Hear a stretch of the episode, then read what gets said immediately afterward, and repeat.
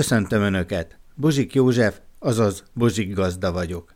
A Kossuth Rádió kertészeti podcastjében, a 62. epizódban az adventi növényeinkről és a kertészeti díszeinkről készítettem Önöknek egy hosszabb összeállítást kaptam Hollandiából két amaryllis hagymát, egy olyan műanyag cserébe tartóba, az alján nincsen vízelvezető zárt teljesen, egy fedő van rajta, amin olyan nyílás van, hogy a hajtás az kibújt rajta, és vannak rések, tehát rocsolni ott lehet. Hogy mit lehet tenni?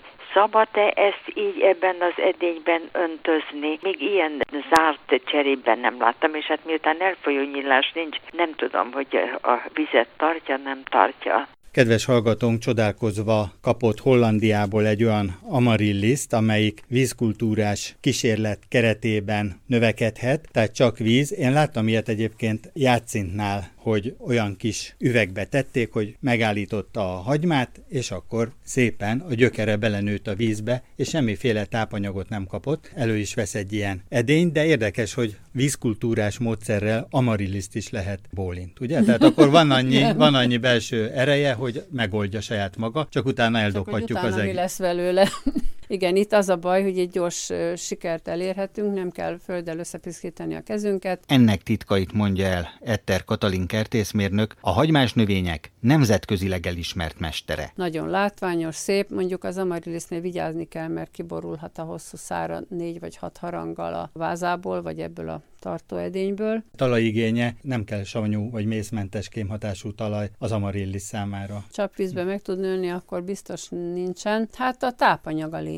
Nem a kémhatás, hanem a tápanyag. Az viszont borzalmasan fontos. Katitól tanultam azt, hogy bizony meg kell hagyni az összes levelet, nem szabad ezt a módszert követni, mint most, hogy levágott levelekkel forgalmazzák csak a virágzati tengelyt. Nem szabad nagy cserébe ültetni, ne bolyongjon a gyökére, hogy mondta. Nem szabad megöntözni, csak akkor már, mikor a virágzati tengely elindult. A virágszáron ilyen hosszanti vöröses-barnás csikok jelentek meg. Atka. Atka fertőzés. Amivel már nem lehet mit kezdeni. Itt vannak a fagyott nem bíró gyönyörűségek. Tömegében dália, kaldvirág, kisebb mennyiségben a tubarózsa, és meg kell említenem, hogy az évelőket, mint például a liliomok, azok ősszel és tavasszal is ültethetőek, tehát most nagyon gazdag a lilion választék is, nagyon szépek, de én most az ültetést még nem javasolnám. Etter Katalin mindig hangsúlyozza, hogy az ültetési idő, hát ugye amikor találkoztunk januárban, akkor volt, hogy 17 fok meleg volt, aztán jött a hideg, és ezért hangsúlyozza, hogy a talaj hőmérséklet hőmérsékletre kellene figyelni. Ez a talajhőmérséklet, ezt nem muszáj nekünk talajhőmérővel mérni. Mondhatjuk azt, hogy március végén már körülbelül ilyen 9-10 fokos hőmérsékletre gondolok én. Dél-Amerika, Mexikó, tehát nagyon sok helyről származnak ezek a tavaszi ültetésű hagymás növények, és érdekes, hogy a hollandok tulajdonképpen, mint világbirodalom, picike európai ország, de ugye a világ minden tájáról forgalmaznak. Tehát a legtöbb hagymás növény azért holland közvetítéssel kerül Magyarországra is.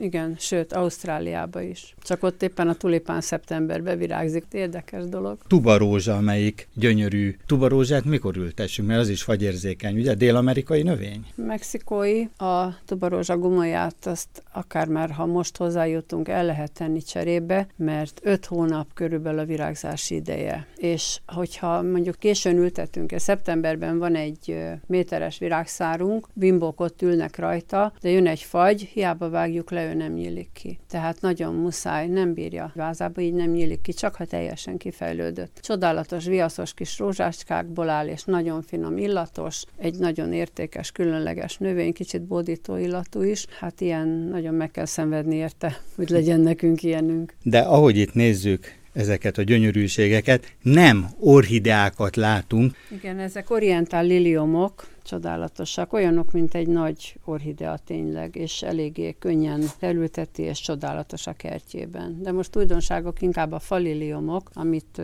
Amerikában állítottak elő. Azért nevezték el faliliomnak, mert hogy egy három éves liliom, ami két és fél méter magas, illatos a virága, hatalmas sok virága van, így fölfelé kell nézni, mert magasabb, mint mi, és a szára pedig, pedig hát lágyszárú minden évben újra kihajt, a szára pedig olyan erő, erős, hogy egy biciklit hozzá támasztva. Hát én még három éveset nem láttam, de azt mondják, hogy tényleg nálunk is csodálatos a növekedési eréje. És ez mennyire fagytűrő?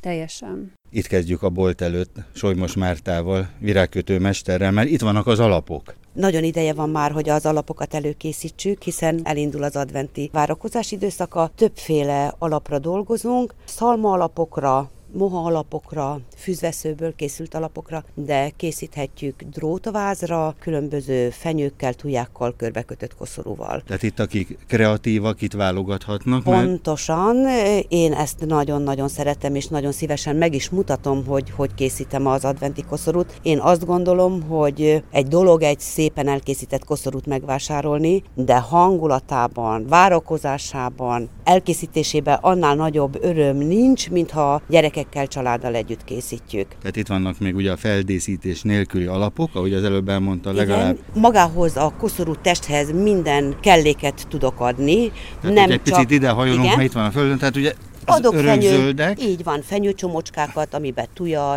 fenyő, buxus, ezüstfenyő, normanok. fenyő is. Igen, találhatóak.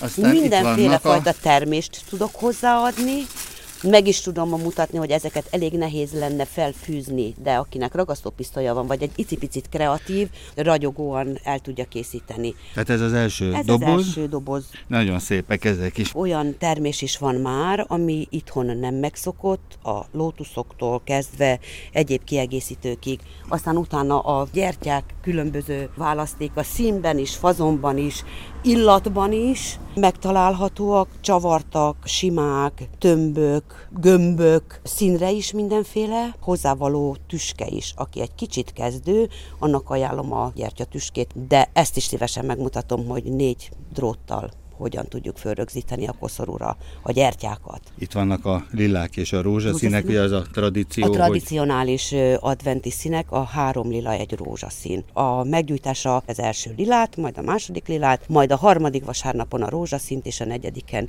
érkezünk el a karácsonyhoz. A harmadik a fény, a várakozása. Lassan ugye elindul, hogy hosszabbodnak a nappalok, mindenkinek egy kicsit könnyebb elviselni ezt a búskomor időszakot, és hát várjuk a megváltót. És azért ez a lélekben való felkészülésnek is egy szép időszaka. Ugye a világ világossága, egyre nő a fény. Így van. Negyedik vasárnap ugye már minden gyertya ég, illetve hát olvastam, hogy az 1800-as években az első lelkész, egy evangélikus lelkész 24 gyertyát igen. rakott egy hatalmas kocsikerékre, ez talán az adventi koszorúnak az őse. Őse, igen. És igen, akkor van. belépünk a boltba gyertyák sokasága mellett Csak jövünk még el. nem beszéltünk a szalagokról, amik szintén ö, fontos kiegészítői az adventi koszorúnak. Ebből is ma már nagyon sok olyat lehet kapni, amelynek a szélén drót, vékony kis drót szál szalad végig, és a legkezdőbb is meg tudja kötni belőle a szép szalagcsokrot. Egy csodálatos szép koszorú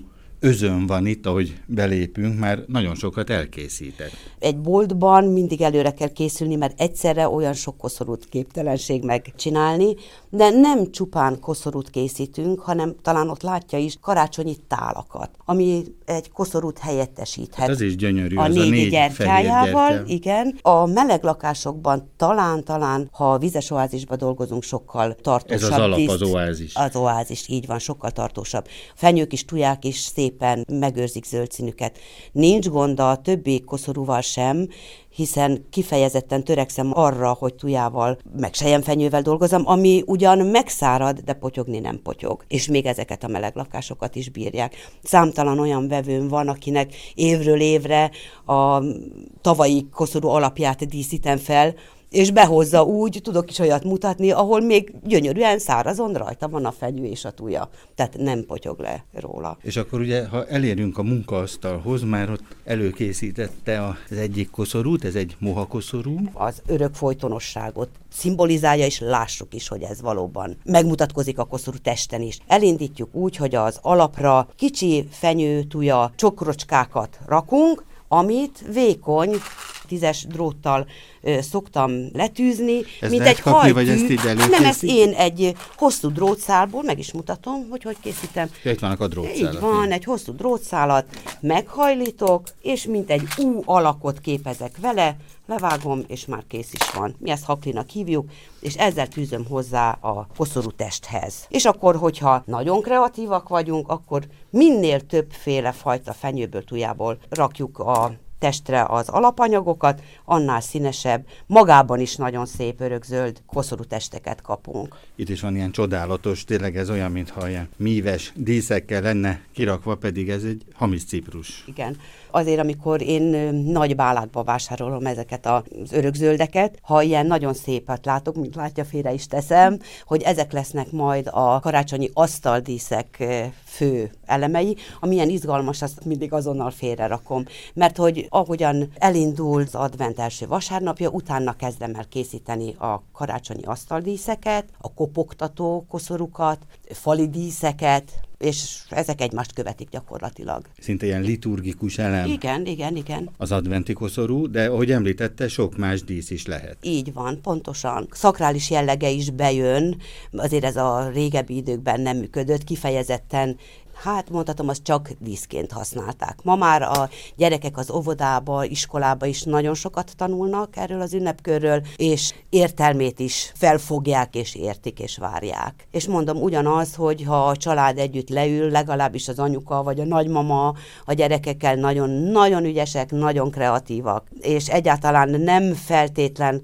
az a szép, amit egy mester készít el. Annak is megvan a maga szépsége természetesen, de talán érzelem gazdagabb egy olyan koszorú, amit közösen bütyköl meg a család. Nagyon sokan készítenek otthon adventi koszorút, de most nekem olyan szerencsém van, hogy egy igazi profi virágkötő, Tarjányi Györgyné Zsóka mondja el hallgatóinknak az adventi koszorú készítés titkait. Nagyon sok mindent összegyűjtött már. Mindenféleképpen az alapnál kezdeném, A a koszorúnál. koszorú alapnál. Ez lehet mohalap, nagyon divatos a szalma alap, tehát van egy alap, kell hozzá olyan fenyő, ami nem potyog, lehetőleg vízkeresztig, a fabontásáig, ugye ez is ott van az asztalon, Például Norman fenyő. Normand fenyő, igen. Kell hozzá négy gyertya, gyertyatüske, szallagok, a természetben összeszedett bogyók is, de apró karácsonyfa díszeket is oda lehet ragasztani. És itt a készítésnél melyek az első lépések? Én úgy szoktam, fölpróbálom a gyertyákat, és amikor úgy látom, hogy ez most így jó lesz, akkor fölfenyőzem a koszorút, ráteszem a gyertyatüskéket, amibe beleszúrom a gyertyákat, masnit, bogyót, kis fantázia, kézügyesség, és az lesz a legszebb, amit saját magunk csinálunk.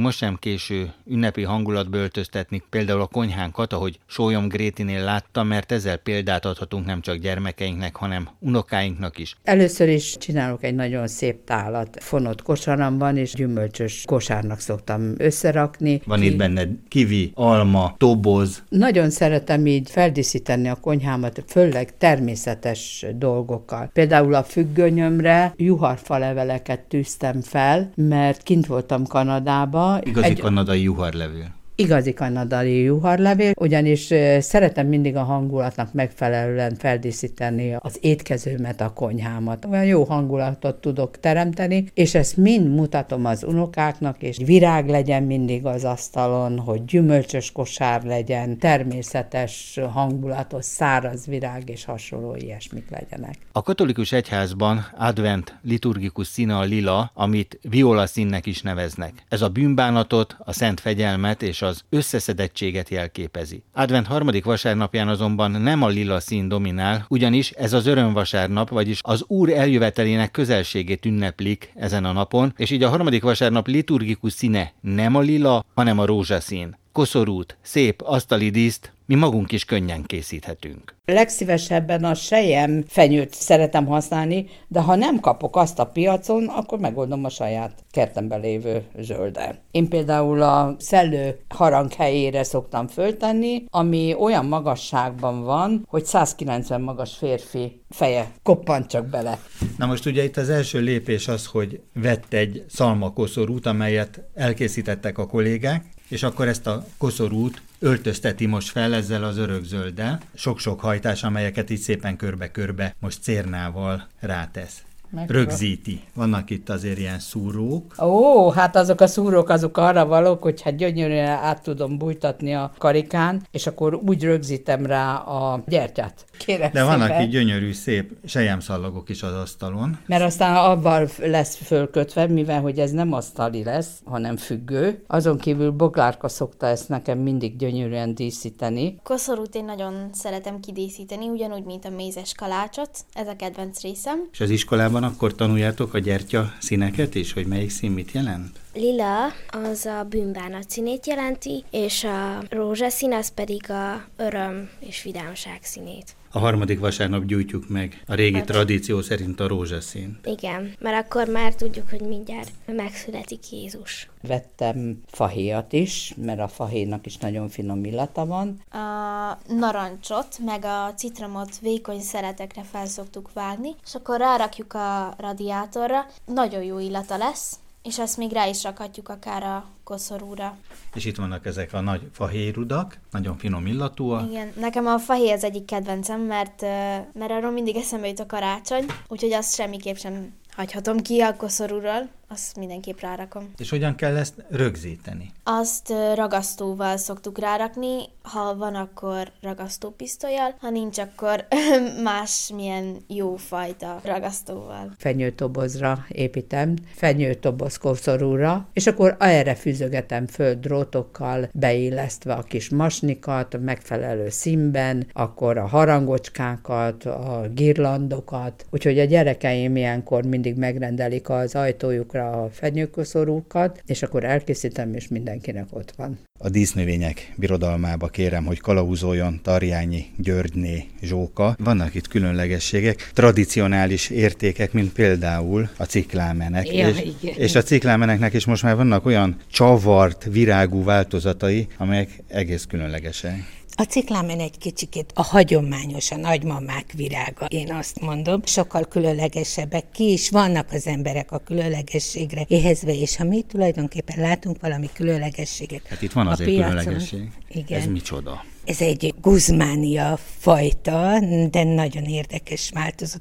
Gyönyörű. Írjuk a virágát, mert különleges. Narancssárga, úgy néz ki, mint egy nagy mikrofon. A virága középről jön ki, ugye a broméliák családjába tartozó növény ez is, és narancssárgás, citromsárgás. De hogy elnézünk, van itt másfajta guzmánia is, amelyik egész triumvirátust, három hatalmas nagy virágot hozott. Ide jöttünk ő is narancssárga, de ennek a kuzmánia fajtának aztán van bordós színű változata, egész citromsárga, sőt, olyan nagyon szép krémes rózsaszín változatával is találkoztam én már a piacon. Guzmániát mennyire nehéz megtartani, hogyha Egyáltalán valaki... nem nehéz. Nagyon-nagyon fontos az öntözés, mint a legtöbb növény. Én nekem az a véleményem, hogy egy növényt nem szabad agyon öntözni. Inkább egy picit száraz legyen, mint hogy álljon alatta a víz, mert ha elrohad a hajsz gyökér, akkor már nincs mivel fölvenni a tápanyagot, Míg ha szárazabb egy picit a növényt megöntözzük, az hajszálgyökér még tud regenerálódni. A guzmániát egyébként a földjegy szinte semmit, hanem a levél nyílbe, tehát úgymond oda középre kell a vizet önteni, és szépen lassan leszivárog az a víz a gyökérhez. Itt is mellette egy másik Ez különlegesség. Egy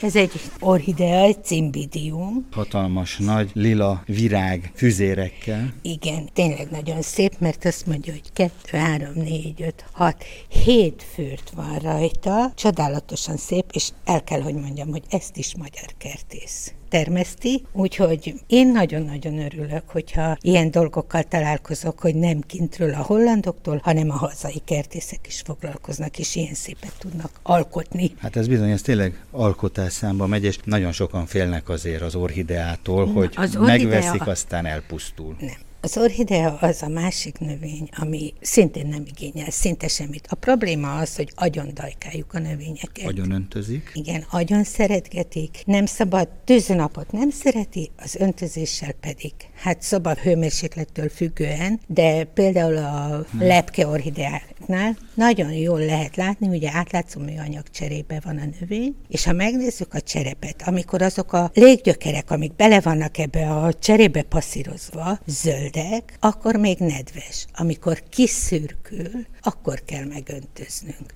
Svédországi karácsonyt is eltöltött, meg adventi időszakot. A svédek ugyanolyan nagy ünnepnek tartják, mint hazánkban a karácsonyt. Dr. Szabó Zoltán. Hatalmas készülődés előzi meg, és azt lehet mondani, hogy Luca napjával kezdődik, ugye december 13-a. Ennek az is lehet az oka, ugye, hogy északi részen téli időszakban elég kevés a napsütés, illetve talán nincs is. 10-től 2-ig, 14 óráig tart egy kis nappali fény, és a Szent Lúcia kerül hagyományai közé. Ez úgy néz ki, hogy eh, földigérő fehér ruhát ölt eh, a család egyik lánytagja magára, egy széles piros övvel a derekát átköti, majd a fejére áfonya veszőből font eh, koszorút és gyertyákat tesz fel, és eléneklik a Santa Luciát. Érdekességként jegyezném meg, hogy volt módunk egy repülés alkalmával, pont erre a napra esett, amikor a repülőgép fedélzetén kérték, hogy mindenki húzza le a sötétítőket, kikapcsolták a világítás jelentős részét, és a stewardessek beöltöztek, és előadták ezt a Santa Lucia jelenetet, ami hát óriási élmény volt a számunkra, annak ellenére, hogy ezt ismertük. Innentől kezdve folyamatosan díszítik a kertet, a házat, a lakást. Ezek is svéd díszek, amelyek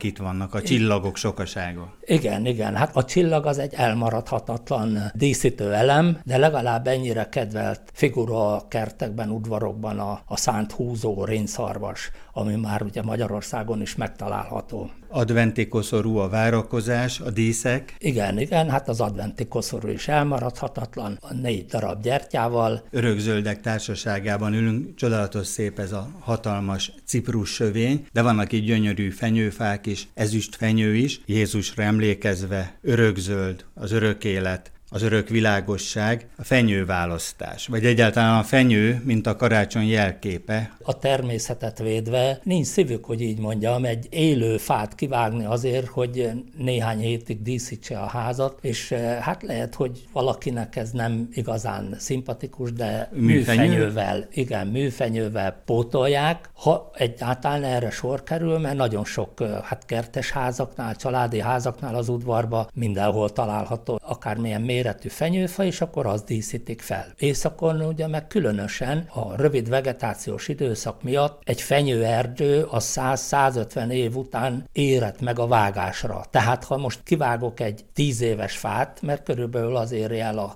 két-három méteres magasságot, akkor ezt az erdőt pusztítom. Hiszen az álomklíma a fenyők számára nagyon érdekes, hogy Dánia. Például a Norman fenyő, amely kaukázusi jegenyefenyő igazából. Nagyon sok ilyen fenyő Magyarországra Dániából érkezik, importból, és korábbról tudom, hogy lányuk egy időben a svéd férjével együtt egészen a sarkkör vidékén éltek, ahol fél évig az örök sötétség birodalma van már, és most Stockholm térségében élnek. Nyilván látja ön is az óriási változást. Északon meg általában biztosította a fehér karácsony, tehát ez a különbség. Itt egy kicsit azért barátságosabb. Hogyan ünnepelnek a svédek, hogyha az asztalra, az ünnepi asztalra gondolunk? Hal? Ez az első, ugye? Hal, ezt föl sem tudom talán sorolni, hogy milyen formában, hogy füstölt, sózott, sok halat importálnak Norvégiából, de svéd, hát ugye a halazac az mindenek előtt. Ponty. Az nem létezik az ő kínálatukban, de miután elég sok lengyel vendégmunkás, illetve szerintem bevándorló is van, meg magyarok is, ezért a szupermarketbe szerveztek egy ilyen akciót, hogy darabszámra lehetett pontyot rendelni. Tehát meg kell rendelni. Igen, darabszámra, hát rendeltünk kettőt, és akkor ez biztosította a magyar hagyományok tiszteletének a megőrzését, és akkor halászlét. jó halászlét főztünk. De ami igazán érdekesség és ősi szokás, a főt sertés láb vagyis a köröm szerepelt. Megdöbbenve tapasztaltam így karácsony előtt, hogy ott vannak kiszervírozva polcon a körmök. Olyan náluk, mint nálunk a hal, hogy karácsonykor van egy ilyen szezonja? Csak karácsonykor lehet körmöt kapni. Kedves vejem is tájékoztatott, hogy kicsit talán a kocsonyához hasonlít. Isten igazából nem tudta ő se elmondani, ezért úgy döntöttem, hogy veszek még egy tálcával, és főzök körömpörköltet Hát lesz, ami lesz. De hát ennek az lett az eredménye, hogy a vejem telefonált a édesanyjának, hogy azokat az ízeket érzi vissza, mint amikor a nagymamája főzte ugyanezt az ételféleséget. Hát ez nagy büszkeséggel töltött el, hogy ízletes volt a számára. A cserépkájhában ropog a tűz, Lovas Katalin kertészakíró kollégámnál, és a Mikulás virág, mint ősi mexikói növény Amerika felfedezés előtt nem lehetett az advent vezető növénye, hiszen Szent Miklós püspök idejében ez csak Mexikóban díszlett valóban Amerika felfedezése után került Európába ez a növény, de nem közvetlenül Mexikóból, ahol őshonos, hanem tett egy kis pihenőt Észak-Amerikában. Ez onnan tudjuk, hogy a felfedezőjét egy bizonyos utazót, aki katonatiszt volt, úgy hívták, hogy Poinsett. És ő fedezte fel, és vitte egy barátjának az Egyesült Államokba, és aztán később onnan került ide. Így terjedt el a neve Poinsettia. Csak amikor elkezdték vizsgálni, akkor rájöttek a botanikusok, hogy ez egy kutyatejféle, és utána átsorolták az euforbiák közé, tehát a botanikai neve az, hogy Euforbia pulcherima. Ennek az igazi díszítő értékét nem a virágok adják meg, hanem a színes fellevelek. De ezek a fellevelek nem színesednek csak úgy maguktól. Itt nálunk például, ez ugyanis egy rövid nappalos növény. Van egy csomó növényfaj, ezek közé tartozik a Mikulás virág is, amelyeknek csak akkor színesedik a lombozata, hogyha az év egy bizonyos időszakában kevesebb fény éri. Tehát az azt jelenti, hogy október-novembertől le kell takarnunk a növényt. Sötét kamra azért annyira nem, mint a fotósok sötét kamrája, annyira nem kell sötétíteni. Arról van szó, hogy a lámpafény is bele tud zavarni a levél színesedésbe. Épp ezért azt szokták csinálni, és ezt javaslom a hallgatóknak is, hogy este egyszerűen borítsanak rá egy kartondobozt, és ezt reggel vegyék le. Ez egy ilyen 6 hetes időszak, és ha ezt megteszik, akkor december elejére gyönyörű színes fellevelek fejlődnek. Természetesen most már a piros mellett lehet minden létező színvariációban kapni. Ausztráliában mennyire találkozik az ember Mikulás virággal? Nem találkoztam még soha. Egy repülőtéren láttam Ausztráliában mellett Mikulás virágból egy karácsonyfát, ami úgy nézett ki egyébként, hogy csináltak egy állványt, egy ilyen kupalakú állványt, és Mikulás virág cserepekkel rakták körül, és hát valami egészen fantasztikus volt, és hát volt az egész vagy 10 méter magas. De mások is az angol karácsony és adventi növények, tehát a várakozás idejét mondjuk nem elsősorban Mikulás virággal ünneplik, hanem a magyallal, amely szintén piros és zöld. Hát az angolok két szent növénye, ez egyik az ön által említett magyar, az Ilex aquifolium. Ez Magyarországon is díszlik szépen. Hogyne, bár mediterrán igényű növény, tehát csak olyan helyen marad meg kint a szabadban, ahol délre néző kőfal van mögötte, vagy egy olyan mikroklimájú hely. Na mondjuk például én a Nemzeti Múzeum kertjében láttam, de ugye az belváros, tehát nyilván ott is van egy ilyen mikroklíma, mely azért nem olyan durva, tehát a hidegeket azért visszafogja. És ami pláne bonyolítja a helyzetet, hogy külön vannak termős és porzós példányok, és hogyha az ember porzóst vesz, akkor sosem lesznek ilyen szép kis piros termése. Valóban két laki növényről van szó. Most az angolok ezt holinak nevezik. Természetesen megvan ennek a magyarázata, hogy miért szent növény. Ugye a magyalnak a levelei fényes zöldek, gyönyörűek, és a levél csúcsok azok szúrósak, tüskések, és ezzel Krisztus szenvedéseire utalnak. A piros bogyók pedig a vércseppeket szimbolizálják. Csodálatos szép asztaldíszekkel örvendeztethetjük meg magunkat, és ahogy jöttem Godó Csaba kertész kollégámhoz, lenyűgöző ilyenkor a tűztövis világa. Beszoktuk hozni. Azt kell tudni a tűztövisről, hogy behozva nagyon gyorsan megszárad a bogyója. Tehát nagyon rövid illetű asztaldíszeket lehet belőle csinálni. Kertemben nagyon sok lomblevelű örökzöld is van, babérmegyek, tűztövis, magyal. Én ezekből szoktam kis asztaldíszt csinálni. Voltam kint Írországban, és ott a párás klímában hihetetlen módon elterjedt, nagyon sok változatát ültetik. Ugye a magyarról azt kell tudni, hogy nagyon páraigényes. Nálunk is őshonos, de kifejezetten párás völgyekben találja meg az életfeltételeit. És Maga... nagyon fontos ugye, hogy ez két laki növény, tehát nem mindegy, hogy termés vagy porzós példányt vásárolunk-e, mert ha porzóst, akkor sosem hoz szép piros termést. Ez így van. Ha termést szeretnénk, akkor mindenféleképpen kell egy porzós példányt is ültetni. Nálam a kertben van mind a kettő, így vannak uh, apró pici magyar terméském. Itt a hűvösvölgyen azt kell mondjam, hogy közel sem olyan szép, mint szerettem volna. Viszont az egyik barátomnak a Sashegyen van kertje. Az ő kertjében egy szárasságtűrő fajtát sikerült szerezni, azt ültettünk, valami hihetetlenül szép. Tehát a magyarnak vannak olyan a mi körülményeink közé nemesített fajtái, amiket mi is ültethetünk itthon bárhol, a lehető legmelegebb, legkitettebb területen is szépen tud mutatni. Kedves hallgatóink, van egy éjjel-nappal működő üzenetrögzítő, ezen várom az önök kertészeti kérdéseit, amelyek alapján készítem el az újabb összeállításokat. A telefonszám a következő 061 328 73 00. Várom önöket egy újabb epizóddal a Bozsik Gazda Podcastben.